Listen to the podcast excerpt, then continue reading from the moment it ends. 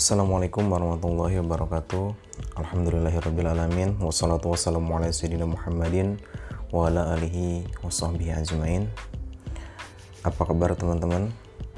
Terima kasih yang masih setia dengerin nih Walaupun gak konsisten update-nya.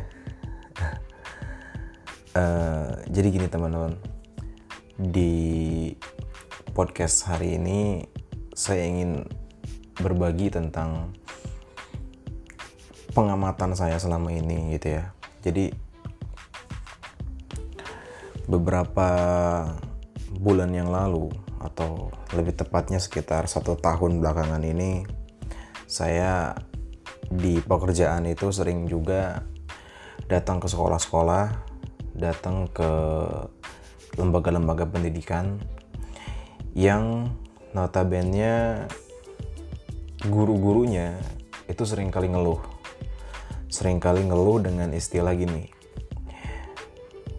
Anak zaman sekarang tuh beda sama anak zaman dulu. Anak zaman sekarang tuh duh ya ampun susah banget diatur. Anak zaman sekarang itu kalau diomongin ngelawan. Anak zaman sekarang itu kalau dikasih tahu suka ngasih tahu balik. Kayak gitu ya Nah dari fenomena ini saya melihat ada perubahan struktur budaya, ada perubahan struktur distribusi informasi. Yang dulu kalau kita mau dapat ilmu kita harus banyak baca buku. Dulu kalau kita pengen dapat informasi yang lebih, informasi yang banyak, maka kita harus sering-sering baca buku kalau nggak baca buku, baca koran, baca majalah, dengerin berita. Nah, sehingga anak-anak yang cerdas, anak-anak yang punya pengetahuan banyak adalah anak-anak yang temennya adalah buku. Gitu ya. Jadi si kutu buku ini menjadi tidak populer di kalangan pergaulan, tapi sangat populer ketika diskusi di dalam kelas. Nah setelah saya perhatikan, ternyata memang polanya kayak gitu. Misal nih, dalam dalam ebook PD ngomong di depan umum yang saya tulis, ada satu pola tentang pola percaya diri. Pola percaya diri itu ternyata dimulai dari input. Inputnya apa? Ternyata yang membuat kita nggak percaya diri itu bukan karena kita nggak bisa ngomong, yang membuat kita grogi itu karena kita nggak tahu mau ngomong apa. Makanya yang hal yang paling penting yang harus dilakukan oleh teman-teman ketika ingin percaya diri dalam bicara adalah menginput sebanyak mungkin informasi. Nah, karena bicara adalah kegiatan mengulang kembali apa yang ada dalam pikiran kita, maka semakin banyak informasi yang kita dapatkan, semakin kaya kosakata yang kita miliki, maka semakin lancar kita bicara. Mudahnya kayak gitu kan. Balik lagi ke pembahasan yang awal tadi. Kenapa kok yang orang zaman dulu itu lebih minderan, sementara yang zaman sekarang ini anak-anaknya lebih pede, lebih show up, lebih pengen terlihat tampil. Nah, ternyata salah satu aspek atau salah satu penyebab mereka seperti itu adalah karena orang zaman dulu itu kesulitan mengakses informasi. Sehingga dia minim informasi. Karena minim informasi, maka dia juga akan kesulitan untuk memberikan informasi. Bener nggak? Karena kita kekurangan uang, maka kita juga akan kesulitan memberikan uang. Itu kan hukum alam kan? Karena kita nggak nggak punya apa-apa maka kita nggak bisa ngasih apa-apa istilahnya gitu. Nah sementara saat ini informasi sudah banyak sekali tersebar di mana-mana. Gaya belajar kita bukan lagi baca buku tapi nonton YouTube nonton e-course nonton eh, hal-hal uh, edukatif yang lain.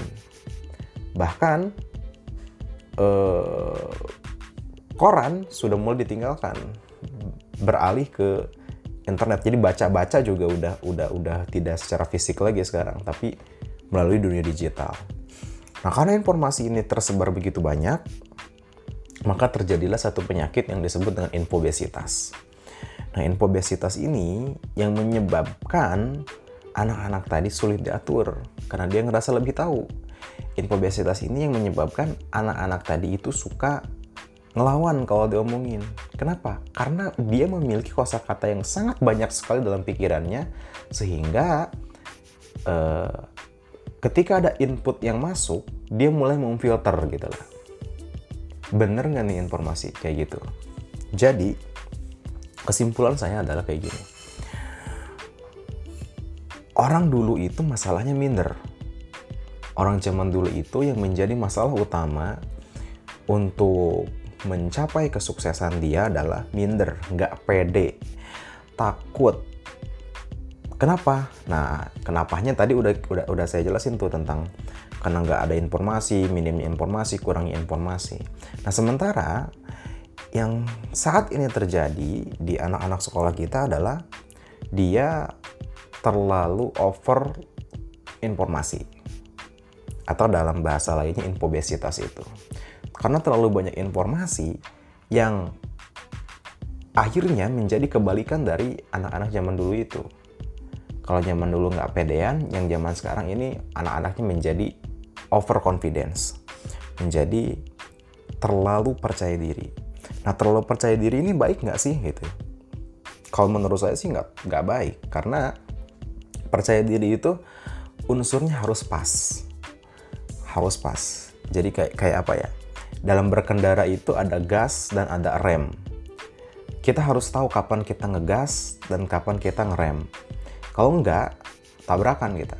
Kalau enggak, kalau enggak tabrakan mungkin kita ketabrak karena kita ngerem ngedadak. Nah, karena percaya diri itu unsurnya harus pas, overconfidence juga nggak baik. Akhirnya apa?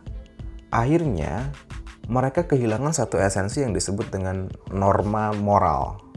Nah, moral ini menjadi hilang, menjadi apa ya struktur sosial dari dunia pendidikan menjadi egaliter, menjadi guru dan murid sama saja.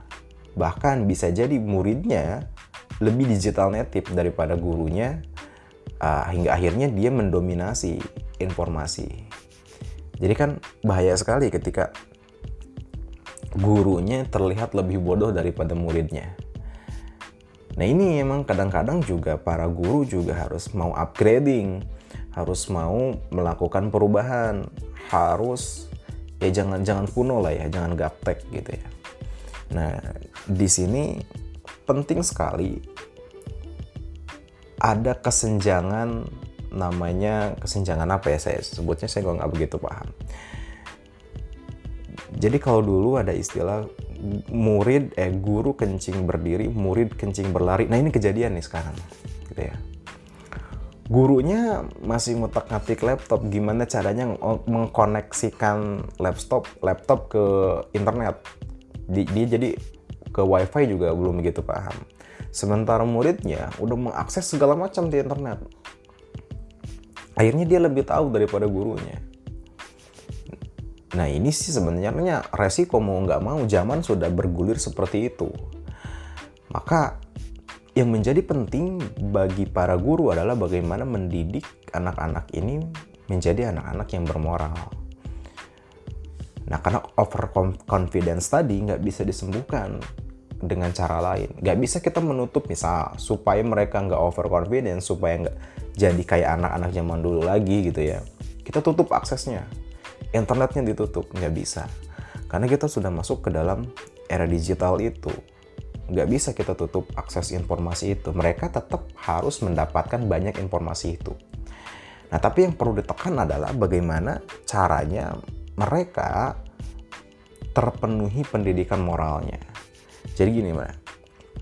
Mereka harus ngerti sopan santun istilahnya gitulah ya. Mereka harus ngerti kapan dia harus berdebat dengan siapa dia harus berdebat gitu ya. Dan apa yang perlu diperdebatkan dan apa yang tidak perlu diperdebatkan. Nah ini penting. Karena apa ya para para guru itu kesulitan sering kali bukan karena kesulitan ngajarnya tapi kesulitan mengendalikan uh, aktivitas dari peserta didik itu atau moral dari peserta didik itu yang mereka keluhkan hal-hal yang demikian jadi kesimpulan saya tentang dua hal tadi orang zaman dulu harus mau mengupgrading dirinya supaya dia lebih percaya diri. Nah, akhirnya nanti kekejar nih. Ada satu titik mereka ketemu gitu ya. Orang yang zaman sekarang harus mau merendahkan dirinya, menelan egonya, atau menekan egonya supaya norma sopan santun itu masih bisa dijalankan. Kira-kira kayak gitu. mungkin itu saja ya dari saya nggak perlu panjang lebar karena saya nggak nggak apa ya nggak hanya ingin mengungkapkan hasil penemuan saya selama ini oh ternyata dunia pendidikan saat ini sudah terjadi kesenjangan jadi uh, efek dari globalisasi dan digitalisasi internet ini adalah bukan cuma terjadi kesenjangan ekonomi. Betul manfaatnya banyak. Banyak orang kaya yang banyak orang yang miskin dan jadi kaya mendadak banyak karena karena pengaruh internet ini gitu ya. Tapi ada juga kesenjangan pendidikan ternyata. Kesenjangan moral kesenjangan akhlak ini yang perlu diperhatikan dan sebetulnya sangat bahaya sekali kalau ini terus menerus dilakukan maka zaman jahiliyah mungkin akan terulang gitu. Zaman di mana orang sudah nggak mengerti lagi apakah ini boleh dilakukan atau enggak ini masih relevan atau enggak ini sopan atau enggak untuk dilakukan mungkin akan terulang lagi gitu.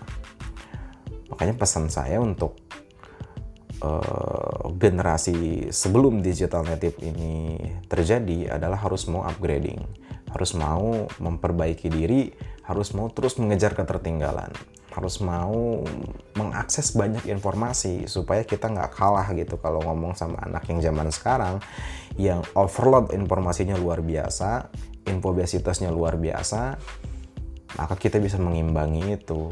Dan pesan untuk anak-anak yang lahir di era digital native adalah ya harus mengerti bahwa pendidikan ini bukan hanya pendidikan tentang masalah tahu tahuan gitu ya. Siapa yang banyak tahu dia yang menang. Enggak. Tapi pendidikan ini pun ada di dalamnya adalah pendidikan moral pendidikan kesopanan sopan santun tata krama. Kayak gitu. Ya mungkin itu aja teman-teman dari saya. Terima kasih. Wassalamualaikum warahmatullahi wabarakatuh